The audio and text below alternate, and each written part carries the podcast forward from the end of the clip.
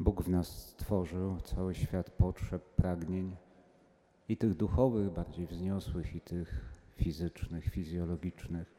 Skoro stworzył nas z miłości, znaczy, że nie chce się nami bawić, tylko chce te potrzeby zaspokajać. Każda wskazuje Boga, który chce przychodzić z miłością. Nawet Eucharystię, jaką nam zostawił, zostawił jako pokarm nie tylko duchowy, ale fizyczny. Chce nas karmić.